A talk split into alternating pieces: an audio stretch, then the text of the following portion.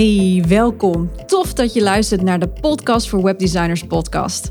En in deze podcast neem ik je wekelijks mee in de wereld van websites, het runnen van een webdesignbedrijf, ondernemen, omgaan met klanten, processen optimaliseren en nog veel meer.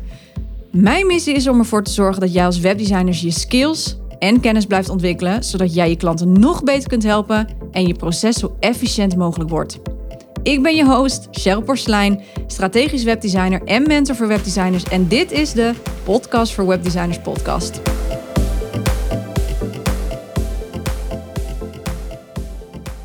Hey, welkom. Tof dat je luistert. In deze podcastaflevering neem ik je mee in de wereld van designprincipes en patronen. Het is een klein stukje designpsychologie waar ik zelf altijd heel erg enthousiast over ben. Um, als jij namelijk je website ontwerpen naar een hoger level wilt tillen, dan zijn dit de dingen die je kunt doen om dat te doen. Designpatronen zijn onderdelen bijvoorbeeld die vaak terugkomen en zo vaak terugkomen dat ze herkend worden. Uiteraard geef ik straks een aantal voorbeelden van.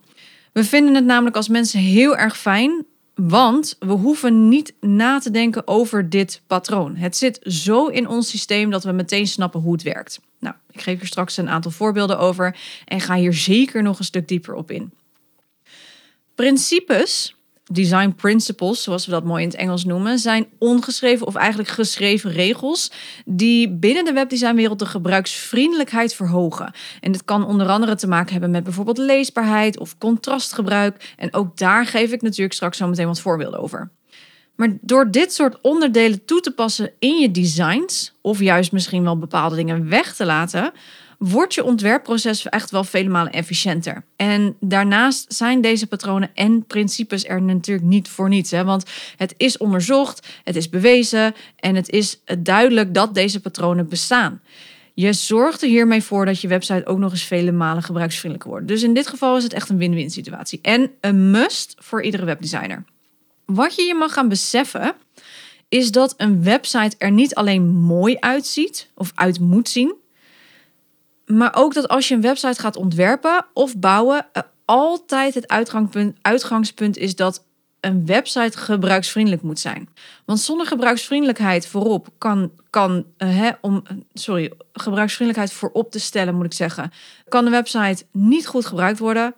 Hoe, die mooie, hoe mooi de website er ook uitziet. Maar men raakt verward als ze dingen niet kunnen vinden, nergens naartoe worden begeleid en dan haken ze af. Het is dus jouw taak als webdesigner om daar de juiste balans natuurlijk in te vinden. En het voordeel is dat dus heel veel van die designprincipes en, en patronen je website er ook automatisch al beter uit laten zien en dus laten werken. Nou, ik zou zeggen win-win. Heel vaak krijg ik de vraag van: oké, maar hoe zorg je ervoor dat je ontwerpen nou mooier worden? Ik moet hier een kleine disclaimer bij geven. Want ik zeg nu dat die principes en patronen heel veel kunnen doen, maar ik moet altijd een kleine disclaimer erbij geven. Want het is ook deels op gevoel. Ik, ik kan zelf nooit volledig zeggen hoe ik iets doe. Dat komt gewoon, dat zit hem in twee dingen. Eén is het heel veel doen, heel veel oefenen. Hierdoor krijg je op een gegeven moment door van wat, en wel, wat, en, wat wel en niet werkt voor je. Je, je oefent daarmee je skills. Uh, door veel te leren, ook te studeren en te, uit te proberen zelf, uh, ga je merken van hey, deze kleur past er wel goed bij, of deze kleur niet. Of, of nou ja, andere skills die je nodig hebt om webdesigner te zijn. Maar die verbeteren over time ook weer natuurlijk. Dus blijf vooral veel oefenen, veel doen. En dus door gebruik te maken van die patronen en principes. Want die komen standaard terug. En dus kun je een soort shortcut voor jezelf maken. Je hoeft het wiel dus gewoon echt niet opnieuw uit te vinden. Dus dat is vooral heel erg fijn. Um, en twee is, of eh, nee, het, um, dat kom ik straks op terug. Maar het, het kan ook helpen als je het hebt over hoe je je designs beter of mooier kunt krijgen. Kijk ook eens op Pinterest. Er zijn heel veel mooie voorbeelden. Kijk vooral daarin wat je wel en niet mooi vindt.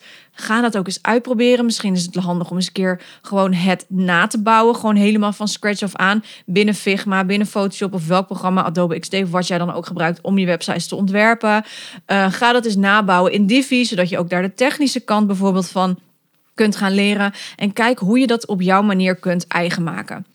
Het belangrijkste hierbij is dus dat je het wiel niet opnieuw hoeft uit te vinden. Het andere, het tweede wat ik dus wil, hierover wil zeggen, over hoe zorg je ervoor dat je ontwerpen nou mooier worden, is dat het ook het een beetje het hebben is van een feeling. een bepaald gevoel, een bepaald instinct. Dit is iets wat je natuurlijk ook ontwikkelt naarmate je meer ervaring krijgt. Maar sommige mensen hebben dit al vanaf het begin. Die hebben een feeling voor wat mooi bij elkaar past en wat niet.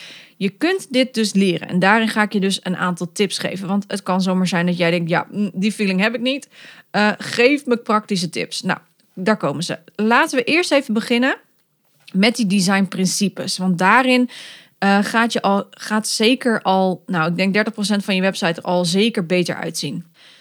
Het eerste principe waar je je aan mag gaan houden is: alles langer dan twee regels lijn je links uit. En deze regel helpt met twee dingen.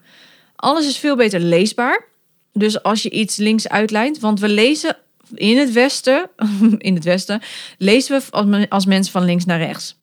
Wat ik nog te vaak zie op websites is dat er grote lappen gecentreerd worden gezet. Dus die gecentreerd uitgelijnd staan. Ik heb daar toen ook een onderzoek over gedaan op mijn Instagram, kom ik zo op terug. Maar als je dus teksten centreert, komen er gaten in de zinnen. En voor veel mensen, en heel veel mensen vooral met dyslexie, die hebben daar moeite mee. Of mensen die uh, visueel beperkt zijn of iets in die richting. Wat je daarmee doet, is dat je mensen uitsluit. En het komt doordat er gaten in zorgen en uh, komen. En dat zorgt er weer voor dat je dus terug moet naar de vorige regel. Om opnieuw, opnieuw nou, ik heb een beetje spraakgebruik vandaag. Maar je moet dus naar de vorige regel om opnieuw te lezen wat er nou precies stond, omdat er zo'n groot gat tussen zit. Dus ons brein die vergeet eigenlijk daardoor wat er nou op die vorige regel stond. Ik heb dus een onderzoek gedaan binnen mijn Instagram-volgers van waarom kies je ervoor om teksten gecentreerd uit te lijnen. En de meeste opmerkingen waren juist van ja, maar dan kan ik een deel opvullen. Eh, of dan is er wat minder witruimte hè, aan de zijkanten. Of het staat mooier. Daar ben ik het zelf dus niet mee eens. Uiteraard mag jij het daar wel mee eens zijn. Dat is natuurlijk aan jou. Maar het feit dat je teksten centreert om iets op te vullen betekent eigenlijk dat je niet goed doorhebt wat je nou allemaal ermee kan doen met zo'n website. En ik heb liever dat je een stuk witruimte opvult met een extra foto of een extra, I don't know, iets moois, een icoon of eh, iets in die richting. Of een, uh, een, een leuk achtergrondkleurtje. Dan dat je het gecentreerd gaat uitlijnen, omdat ik dus te maken heeft met de leesvriendelijkheid van een website. Als tweede punt is dus ook dat zinnen worden raar afgekapt als je ze gecentreerd gaat uitlijnen. En wat er dus ontstaat, is dat er orphan words, zoals ik dat mooi noem, gaan ontstaan. En dat zijn eigenlijk woorden die hun, in hun eentje op een volgende regel staan. Dus die staan een beetje zielig en alleen. En dat maakt teksten design-wise ook al meteen minder aantrekkelijk. Alles draait om balans. Dus probeer zoveel mogelijk gelijke zinnen te maken, zodat één de paragraaf lekker leest. En twee, dat het ook op mobiel hè, daar ook lekkerder leest. Dus vaak heb je dus dat beelders bijvoorbeeld op mobiel zelf bepalen waar ze een, zin gaan afkappen, waardoor dus dat soort uh, gekke orphanwoordjes ontstaan. Dus het is prima om te zeggen van hey, op de mobiele versie doe ik hem of een pixel groter of een pixel kleiner, zodat dat ene woordje wel net op de juiste regel terechtkomt, zodat hij niet alleen en zielig uh, daar staat. Waardoor, omdat als je dus een orphan word hebt, krijg je dus nog eens een extra witruimte, maar is die witruimte ineens heel erg groot ten opzichte van de rest van de paragraaf. Dus ook daarin kun je design-wise kun je wat kun je balans trekken met bijvoorbeeld teksten ga dat maar eens testen ook. Dat is echt wel heel interessant. Merk dat je, je zal merken echt waar dat je website daar een stuk beter van wordt. Hè? Dus ook zowel in het design, maar ook in de gebruiksvriendelijkheid. Dus de leesvriendelijkheid van je website. Voor titels en zinnen, die maximaal natuurlijk de regel, twee regels zijn of korter, zijn, uh, die mogen natuurlijk wel gecentreerd zijn. Hè? Dus dat kan soms juist ook weer heel erg mooi zijn. Dus dat je een kop bijvoorbeeld in het midden zet en dan wel de tekst in het midden plaatst van de pagina zelf, maar wel links uitlijnt. Dus dat het wel links onder elkaar uitlijnt. Ik zou daar gewoon eens een keertje een paar voorbeelden van opzoeken als ik jou was. Ga daar maar gewoon eens mee kijken. Ga er maar gewoon eens mee testen. Speel daar gewoon lekker mee. Je merkt vanzelf wel of het wel of niet goed eruit ziet. Dan Buttons, principe buttons. Buttons mogen, moeten, mogen, moeten afwijken van de brandingkleur. En dit is er eentje die ik nog heel veel zie. Wat ik erbij wil zeggen is, zonder knoppen is er geen verkoop. Zo simpel is het. Als een websitebezoeker geen knoppen heeft of ze niet kan vinden, dan gebeurt er ook niks. Het is jouw taak natuurlijk als webdesigner om die websitebezoekers van je klanten te begeleiden naar wat het doel is wat je voor die website hebt gesteld. Dus het eindpunt. Hè? En knoppen zijn daar dus in belangrijk, want dat is onze call to action. Dat is waar we mensen gaan aanzetten tot actie. En wat ik vaak zie is dat de webdesigner knoppen in de kleuring van de branding zet. En dat is natuurlijk helemaal niet gek, want die kleuren zijn niet voor niets. Maar knoppen die mogen dus afwijken van die brandingkleuren. En ik heb daar ook een onderzoek voor gedaan binnen mijn Instagram-volgers. En welke kleur het beste voor die knop was, volgens mijn volgers. En daar kwam het volgende uit. Misschien had je dit verwacht, misschien ook niet. Maar de rode kleur is de kleur die het minst goed scoort. En dat is ook niet heel gek, hè? want als we kijken binnen de kleurenpsychologie van wat rood betekent, dan betekent het gevaar. We zien het in het verkeer, we zien het in uh, de natuur. Uh, rood is vaak giftig, rood is vaak gevaar. Rood stoplicht betekent stoppen. Nou, noem het allemaal maar op. Rood, uh, rode borden, waarschuwingsborden, waarschuwing. Nou, noem het allemaal op. Dat zit zo in ons systeem gebakken. Dat is dus een patroon. Daar kom ik straks op terug. Mm, daar kunnen we dus ook niet onderuit. En een rode knop zal dus minder snel aangeklikt worden omdat men bang is dat er iets fout gaat. Ik kom daar zo meteen even op terug, op deze rode knop. Op de derde plaats, want ik heb vier knoppen getest, op de derde plaats komt de blauwe knopkleur, dus de blauwe kleur. En blauw kennen we eigenlijk nog van de tijd dat het internet net in opkomst was. Ik zat toen net op het MBO en uh, toen begon ik zeg maar aan de eerste webdesignopleiding die er op dat moment was het internet bestond natuurlijk al wel langer, maar echt websites zoals we die nu kennen, dat was er toen nog zeker niet. We hadden toen ook nog niet echt knoppen. Dat was toen niet aan de orde. Dus wat we toen deden, was als we een linkje ergens van maakten, dan was dat een tekstlink. En tekstlinks waren in die tijd standaard blauw. En als je erop klikte, dan werd die paars. Dat was altijd heel raar. Maar in ieder geval, blauw, die kennen we dus nog, vooral de, de generatie zeg maar uh, uh, eerder dan mij die, en, en mijn generatie, die kennen dus de kleur blauw. Dus we weten dat als een woord blauw is, dat deze aanklikbaar is. Daarom herkennen we ook heel snel blauwe buttons en kunnen we deze kleur prima gebruiken, mits deze kleur niet in de brandingkleuren zit. Want dat is wel iets wat je vaak ziet, is dat mensen heel vaak een blauw in hun branding hebben zitten. Op de tweede plaats kwam eruit dat groen een goede kleur is voor een knop. Nou, groen wordt natuurlijk gezien als iets positiefs. Hè? Dat kennen we ook weer vanuit de natuur, kennen we ook weer vanuit het verkeer bijvoorbeeld. Groen is gaan, groen is goed. Nou is het natuurlijk binnen de natuur een uitzondering, maakt even niet uit. Maar um, het wordt dus gezien als iets positiefs. En dat als we hierop klikken, en dat er iets goeds gaat gebeuren. Plus dat groen vaak een opvallende kleur is. Ook weer mits je geen groen in je branding hebt. Mijn branding kleuren zijn groen. Mijn hele website is groen. Dus ik ga geen groene knoppen gebruiken. Want die vallen minder op. En ik wil wel heel graag dat men op de knoppen gaat klikken. Want ik moet mijn bezoekers begeleiden binnen mijn website. Om ervoor te zorgen dat ze van A naar B gaan. Op de eerste plaats kwam er uit met de beste kleur, met heel veel procent, dat de oranje kleur de beste oplossing is. En dat eerlijk gezegd verbaasde mij dat niet. Oranje is een knalkleur. Dat valt goed op. Eh, je kan hem natuurlijk ook pakken van ja, in het, in het wild, eh, in het natuur is het natuurlijk ook. Oranje is niet helemaal uh, goed, is meer waarschuwing. Maar omdat dit een hele opvallende kleur is, breekt het ook vaak patroon. En dat is wat het vooral moet doen. Het moet opvallen. Het moet de aandacht trekken. En dat doet oranje uh, doet dat beter dan rood of groen bijvoorbeeld. Nou moet je, wat ik al zei, dit onderzoek zou ik even op terugkomen. Je moet het een klein beetje met een korreltje zout nemen. Want uit andere onderzoeken die in de loop der jaren gedaan zijn, geweest zijn. Kijk, ik heb dit natuurlijk alleen maar binnen de Instagram-volgers gedaan. Maar er zijn verschillende studies die uh, gericht zijn op het onderzoeken van hoe men nou eigenlijk kijkt naar een knop en hoeveel uh, conversie je met een knop kunt uh, ja, waarborgen, zeg maar. En de ene keer kwam daaruit dat groen beter was, de andere keer toch oranje, maar ook rood. En dat heeft alles te maken met de context van deze verschillende onderzoeken. Want het kwam hier vooral uit hoe hoger het contrast, hoe hoger de conversie.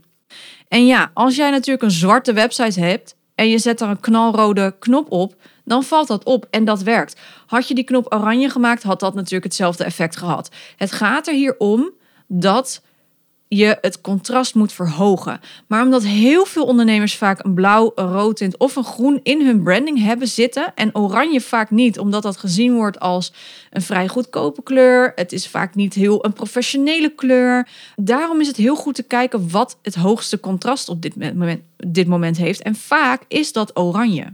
Maar als het betekent dat jij ineens paars moet gaan gebruiken, dan mag dat ook, zolang dat contrast dus maar heel erg hoog is. Welke knopkleur je ook kiest, of welke kleur je ook kiest voor de knop, moet ik zeggen, het hoeft dus niet altijd mooi te zijn. In dit geval is het oké dat het een beetje vloekt, want nogmaals, de knoppen moeten opvallen. En daarmee begeleid jij je bezoekers om die conversie uiteindelijk te gaan verhogen. Oké? Dan, rond is vriendelijk, recht is formeel en zakelijk. Mocht je een website gaan ontwerpen, dan is het dus fijn om te weten wat de overall feeling moet zijn van die website. En dan helpt het om te weten of je dus juist meer ronde of juist rechte vormen moet gebruiken. Nou, ronde vormen worden dus gezien als vriendelijk. Hè? Denk aan afgeronde hoeken en noem het maar op. Daarom zie je ook vaak in tv-programma's voor kinderen dat er geen scherpe hoeken of voorwerpen zijn. Alles is zacht. Als je kijkt naar, ehm, ik, weet niet eens als jij dit luistert in welke uh, leeftijdscategorie jij zit natuurlijk. Maar stel jij bent, uh, jij kent Sesamstraat nog. Nou is het natuurlijk iets wat heel lang nog op de televisie is geweest. Um, of de Fabeltjeskrant, afhankelijk van natuurlijk hoe oud jij bent. Al die poppen, Tommy, Mini, weet ik veel hoe die, hoe die beesten tegenwoordig allemaal, Pino, uh, noem het allemaal op, hebben allemaal ronde en zachte hoeken. Of tenminste, zijn rond in vorm. Want die hebben geen hoeken, die zijn rond in vorm. Tommy heeft de vorm van een ovaal in zijn gezicht. Bert en Ernie overigens ook. Die zijn rond, ronde neuzen. Pino is wel een vogel, maar die is een ronde vogel. Dus die heeft een rond hoofd en een rond lijf en, en uh, een vrij afgeronde snavel. Dus daarmee herken je meteen of iets vriendelijk is.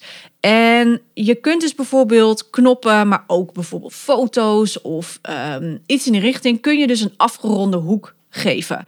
Maar je kunt ook kiezen voor ronde foto's in een cirkel bijvoorbeeld. Dus kijk vooral heel erg goed naar de look en feel van je klant om te bepalen wat er nodig is. Scherpe hoeken zijn dus zakelijker, zijn formeler. Dit zie je ook vaak terug in grotere corporates, in die branches waar vaak grote budgetten hebben of in de dure fashion- en accessoires-industrie. En het draait hier voornamelijk om meer zaken doen, om een bepaalde status, om het zo maar te noemen. En het kan ook weer heel erg gezien worden als modern. Dus ook daarin is het natuurlijk heel belangrijk dat jij gaat kijken van hé, hey, wat wil mijn klant uitstralen? Dus strakke en scherpe lijnen zie je ook vaak in moderne interieurs. En het heeft iets, ja, iets tijdloos, om het zo maar te noemen. Dus maak hier ook een goed overwogen keuze in. Je kan er ook precies tussenin zitten, je kan ermee spelen. Um, maar dat gaat je wel helpen om je designs net even een andere sfeer te geven. En deze waarde, dezezelfde waarde rond is vriendelijk, recht is zakelijk of modern, dat geldt ook voor lettertypes. Hoe ronder of hoe zachter het letter is, hoe ronder het lettertype, hoe zachter het gevoel. Hoe strakker het lettertype, hoe zakelijker en formeler. Uh, dan heb je ook nog de klassieke lettertypes. Dus die, die je vaak ziet in oude boeken bijvoorbeeld met die schreeftypes. Dat is klassiek, dat voelt statig, dat voelt uh, luxueus. Maar je hebt ook schriftlettertypes. Dus lettertypes bijvoorbeeld die heel sierlijk zijn. Dat is weer heel vrouwelijk, heel dynamisch. Heel, nou, dus je hoort al dat op basis van wat wil jouw klant uitstralen, daarop maak je een keuze. Ga je dus wat voor meer rond of ga je dus wat voor meer strak?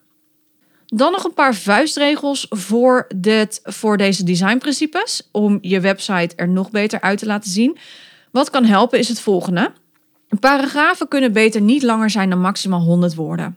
En als je dat links uitleidt, het wordt daardoor lees, leesvriendelijk. En je kunt daar een balans in creëren door bijvoorbeeld, um, als je meerdere paragrafen hebt, dat je die zodanig neerzet dat je bijvoorbeeld er een foto naast kan zetten die precies uitlijnt met de paragraaf. Maar hou zich kort. Dus wat je hiermee doet, is je creëert balans, maar je creëert daarbij ook leesvriendelijkheid. Nou, voor groottes in kopregels, dus bijvoorbeeld de H-tags die je gebruikt, daar kun je een, verkleining doen per H-tag van 2 pixels. En of sommige doe je door de helft. Dus stel dat jij echt H1 tot en met H6 gebruikt, want we hebben dus 6 H-tags, waarvan H1 natuurlijk de meest belangrijke H-tag is voor de fingerprint bij Google. En verder gebruik ik meestal H2 en H3. H4 tot en met 6 gebruik ik bijna niet. Dus hoe ik dit oppak is dat ik H1 bijvoorbeeld ik noem even een voorbeeld, 60 pixels geef, dan is mijn H2 is 30 pixels. Want die is precies de helft.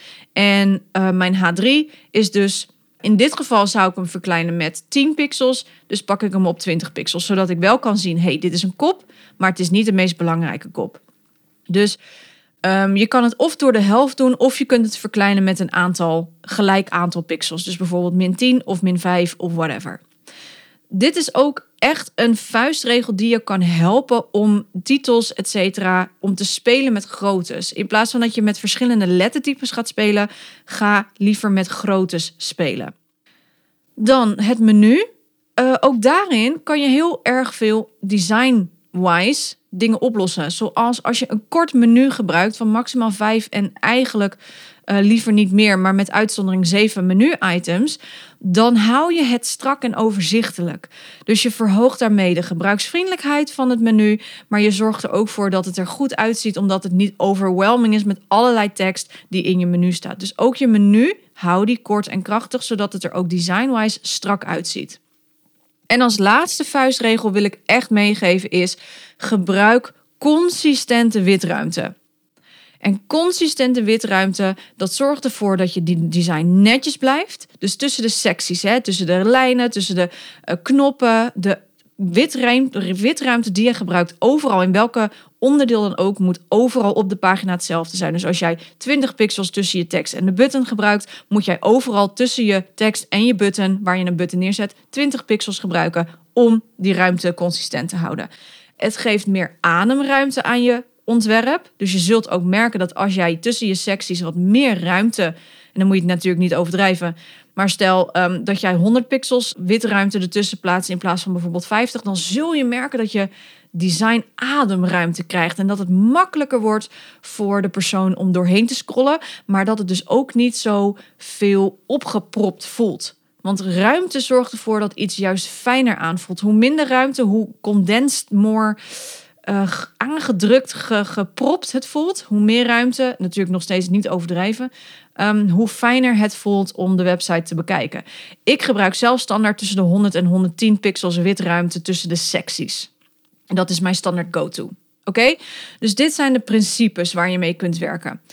Dan hebben we natuurlijk nog patronen, designpatronen. Daar wil ik ook nog even kort over, tenminste kort. Ik heb een aantal uh, voorbeelden natuurlijk en hoe je dit niet, beter niet kan inzetten en welke patronen er wel beter in kunnen worden gezet. Maar een patroon of patronen zijn regelmatig iets van structuur, dus herhalingen die terugkomen. Je hebt binnen deze designpatronen natuurlijk ook de dark patterns. Dat heeft vooral te maken met gebruiksvriendelijkheid van de website. Hoe minder men hoeft na te denken wat de next step is, hoe makkelijker en sneller men door de website heen kan. En het doel natuurlijk kan bereiken waarvoor de website heen kan gemaakt. Daar is natuurlijk die gebruiksvriendelijkheid voor. En we hebben dark patterns. Ik ga daar niet te diep op in nu. Maar dark patterns zijn patronen die je beter niet kunt gebruiken. Dit zijn zogenaamde marketingtrucjes. En hier kijken we dan vooral naar de gebruiksvriendelijkheid van de website.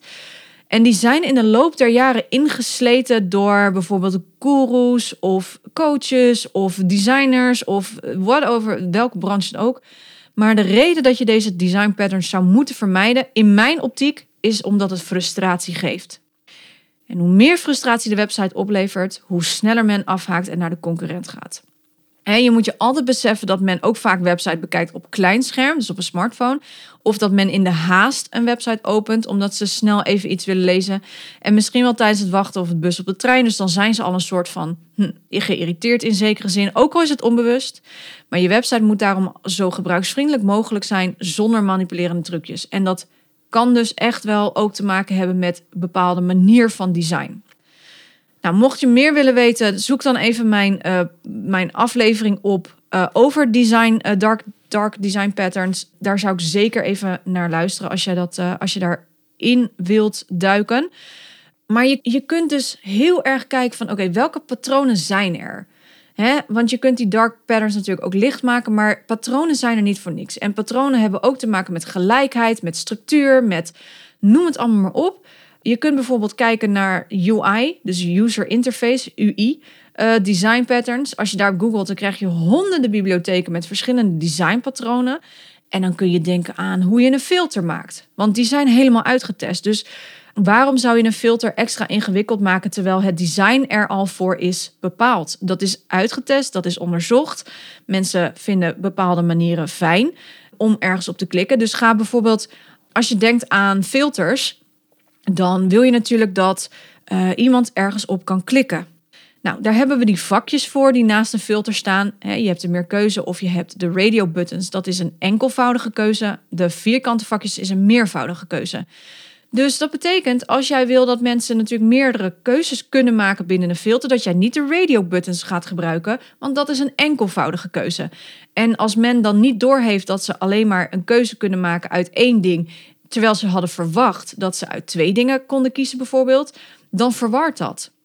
Dus dat zijn designpatronen. Dat zijn, dat zijn dingen die getest zijn binnen de designwereld, binnen de webdesignwereld, die echt daadwerkelijk helpen je bezoeker ergens te helpen heen te gaan of iets te kunnen uitvoeren. Maar je kunt dus ook dekken aan buttons. Hè? Uh, buttons, wat ik net al zei, het contrast moet hoog zijn, omdat mensen het anders niet zien. Maar je kunt ook denken aan formulieren. Waarom zou je een formulier ineens een heel andere uiterlijk geven, terwijl dat getest is? Dus wat ik hiermee wil zeggen is dat je dus je design niet per se altijd helemaal out of the box hoeft te denken. Juist niet omdat het allemaal is uitgetest. Dus um, alles is onderzocht, alles is beargumenteerd. Er zijn dus talloze patronen hierin te vinden. En dan heb je ook nog patronen zoals gelijkheid. Dat zijn vaak gestaltprincipes, noemen we dat. En gestaltprincipes zijn bijvoorbeeld dat witruimtes worden ingevuld. Um, dat uh, uh, rijen van gelijke noemen we dat. En rijen van gelijke zie je heel vaak in webshops. Um, en webshops, waar, wat ik daarmee bedoel, is het overzicht van de producten. Dus die staan, als het goed is, allemaal heel erg netjes op een rij. Dat geeft structuur, dat maakt het design strak, het maakt het overzichtelijk, maar het maakt het ook mooi. Omdat als je met zoveel producten ineens een uh, ja, dat noemen we heel mooi een masonry grid. Dus dat betekent dat de foto's zich aanpassen aan hoe jij hem uploadt. Dus dat kan betekenen dat de een langer is dan de ander. Of eentje is langwerpig in plaats van rechthoekig. Of nou ja, dan krijg je dus een soort puzzel die hij dan zelf in elkaar zet. Dat kan voor heel veel mensen juist niet lekker zijn. En daarom hebben we dit soort principes en dit soort patronen ontworpen. Specifiek om ervoor te zorgen dat websites netjes blijven en gebruiksvriendelijk. Dus ga je ineens andere dingen doen omdat je per se wil dat je website heel erg mooi moet worden, dan kan het zomaar zijn dat het juist effect heeft op de gebruiksvriendelijkheid en dan zal die website nog steeds niks opleveren. Dus dat is heel erg belangrijk om dat in je achterhoofd te houden. Dus de truc is om deze dus juist te gaan gebruiken, die patronen. Dus ga maar eens googlen op design patterns of UI design patterns daar vind je talloze voorbeelden. En wat je, het enige wat je hoeft te doen, is je hoeft het na te maken. Je kan het dus gewoon gebruiken. En als je denkt van, hé, hey, ik wil het toch even iets aanpassen, pas dan de kleur aan. Van, I don't know, een zoekfunctie of een button of een uh, titeltje. Ik heb liever dat je de kleur aanpast die dan matcht bijvoorbeeld met de huisstijlkleuren, dan dat je dus echt gaat, gaat bedenken van hoe kan ik dit mooi maken terwijl de gebruiksvriendelijkheid daar te dupe van is. Dus die design patterns, nogmaals, zijn er niks voor, niet voor niets. Er zijn er heel erg veel. Ik heb er boeken over hier staan. Daar zeg je u tegen. En ook op mobiel zijn er bepaalde patronen. Denk aan het hamburgermenu. Waarom zou je daar ineens van willen afwijken? Die hebben we omdat we dat kennen. Dus je hoeft dat niet per se te designen. Dat is er al. En het enige wat jij dus hoeft te doen in dat opzicht is een design in kleur veranderen. Dus je kan prima de kleur van het hamburgermenu aanpassen, zodat het wel weer matcht met de rest van de website. Je kan het navigatiemenu op desktop, kun je actieve linkjes, kun je, hè, dus als iemand erop klikt, kun je die een andere kleur geven, zodat men snapt, hé, hey, ik ben nu op deze pagina. Maar je houdt hem wel strak. En wat ook heel erg helpt om je designs te versterken, is dus die witruimte, maar ook gebruik secties. Dus ga kies er niet voor om alles bijvoorbeeld op één witte achtergrond te zetten, maar maak bijvoorbeeld een, een, um, een sectie met één achtergrondkleur, dan weer een bijvoorbeeld wel zonder achtergrond, dus een witte achtergrond. Dan doe je bijvoorbeeld een sectie met een foto op de achtergrond waar je mee gaat spelen, et cetera. Dus door dat soort visuele dingen in te zetten, kun je je designs wel mooier maken. Wat ook heel erg helpt, en dit vind ik een van de meest belangrijke onderdelen binnen het ontwerpproces van een website, is het maken gebruik van een grid. En een grid is een, ehm, ja, hoe zeg ik dat in het Nederlands? Is een, is een structuur die ervoor zorgt dat alles netjes uitgelijnd staat. Want niets is lelijker als een ontwerp waarvan het menu uh, ineens veel te ver rechts staat. Uh, de hero tekst staat ineens helemaal links. Um, de button die heeft een beetje verkeerd, die staat niet meer in het midden. De volgende sectie heeft de foto staat uh, niet uitgelijnd met het menu, maar staat er precies tussenin. Door een grid te gebruiken verbeter je de kwaliteit van je designs echt met 50%. Als het niet meer is. Want dit zorgt ervoor, die grid, die zorgt ervoor dat jouw designs strak zijn, dat alles netjes is uitgelijnd. Door die witruimte consistent te gebruiken, wordt het een overzichtelijke pagina, wordt het een heel fijne pagina om doorheen te scrollen. En alles staat netjes onder elkaar in plaats van dat alles scheef links of rechts of gewoon maar ergens met de duim uitgezogen is en uh, hier een pixel en daar een pixel. Je mag echt um, daarin een, een, een, ja, vind het een beetje rot om te zeggen, maar een level up stappen, een, een, een extra kwaliteitskeuze of kwaliteitsstap in maken. Om ervoor te zorgen dat je designs dus echt mooi gaan worden. Dus naast gebruiksvriendelijkheid, want als alles is uitgeleid, dan ziet het er gewoon lekkerder uit. En dan werkt het ook fijner. Want dan hoeven we niet ineens onze ogen naar rechts te verplaatsen. terwijl het helemaal niet rechts hoort staan, bijvoorbeeld. Of dat het te ver staat, waardoor het uitzicht staat. Dat heb je ook nog. Maar door grids te gebruiken en door die, die, die consistentie te gebruiken, worden je designs automatisch al stukken, stukken beter. Dus mocht je nu denken van hé, hey, maar mijn designs kunnen nog wel wat, ja, wat, wat eh, fine-tuning gebruiken, ga met grids werken. Ga echt met grids werken. En zorg ervoor dat de kolommen die je gebruikt, dat die evenveel uh, pixels hebben, de tussenmarges bijvoorbeeld, dat de secties dus die evenveel witruimte hebben, dat de knoppen even groot zijn. Dus elke knop die je erop zet, die, die je ontwerpt, die maak je even groot. Alle titels, dus de H-tags, bepaal daarvoor welke grootte ga ik daarvoor gebruiken, zodat dat consistent blijft. Welk lettertype ga ik gebruiken? Kies maximaal twee lettertypes, zodat uh, je kunt spelen met groottes in plaats van met verschillende soorten lettertypes. Daardoor blijft het ook weer leesvriendelijk. Kies bijvoorbeeld geen kleurenpalet van 20 kleuren, maar kies er bijvoorbeeld vier. Zodat je uh, niet overweldigd wordt met een complete clowns website bijvoorbeeld. Hè? Dus dat je ook daarin overwogen keuzes maakt. Dit zijn allemaal nou ja, principes, patronen, trucjes, geef de naam, die je kunt gebruiken om je websites dus vele malen mooier en kwalitatiever, uh, gebruiksvriendelijk ook te kunnen maken. En dat ligt gewoon hand in hand. Design en gebruiksvriendelijkheid ligt hand in hand. Dus daarin mag je zeker een, uh, ja, een onderscheid, uh, of tenminste een koppeling in gaan maken. Juist niet een onderscheid, een koppeling. Dus een, een brug slaan tussen die twee. En daarmee gaat het echt, ja, zal, zal je merken, zul je merken dat je websites echt een stuk beter eruit gaan zien. En dus ook lekkerder gaan werken. Alright, ik dacht dat ik heel streng klonk, dus ik ga het hierbij laten. Ik ga deze afsluiten. Ik hoop dat je hier natuurlijk wat aan hebt gehad. Dit is iets wat ik echt volledig in mijn mentorship voor webdesigners je ga leren. Dus het werken met grids, het werken met bepaalde programma's, het werken met die designpatronen en designprincipes.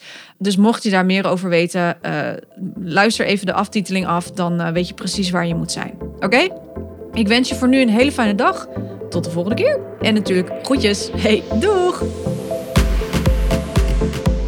Thanks for listening.